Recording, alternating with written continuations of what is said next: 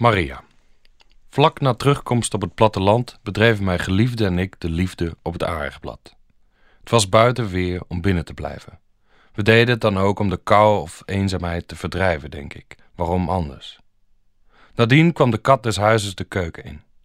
Had hij buiten voor het kattenluik geluisterd en op zijn beurt gewacht? Het beest was erg aanhalig en leek de eenzaamheid minder te koesteren dan ik vermoedde. Door eenzaamheid schijnen mensen zo'n vijf jaar eerder te sterven. Wellicht geldt dit ook voor katten. Al aaiend hielden we de dood op afstand. Een paar uur later kwamen er gasten voor het Airbnb-gedeelte van de boerderij aan. Er was gereserveerd op naam van ene Maria uit Haarlem. Iemand stiefelde het donkere erf op en ik riep Maria in het duister. Ja, Maria is er ook, zei een man en Maria verscheen. Ze stapte zichtbaar vermoeid uit een zwarte SUV. Een verblijf hier zou een bijbels tafereel kunnen vormen. De man vertelde dat ze in de file hadden gestaan. Ik zag de bijbelse ervaring slinken, dus ik zei teleurgesteld: Wat vervelend zeg, file. Ah nee, dat weet je van tevoren. Oh, oké. Jullie komen uit Haarlem, toch? Ja, ken je dat? Ik zei dat ik Haarlem kende. Wat dacht deze man?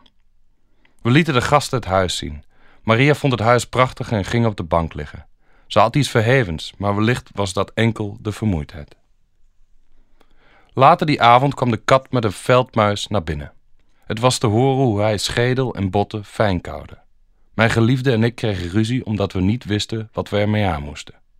Stuur hem dan naar buiten, riep ze. Haar geschreeuw wekte de schaamte bij mij in de hand.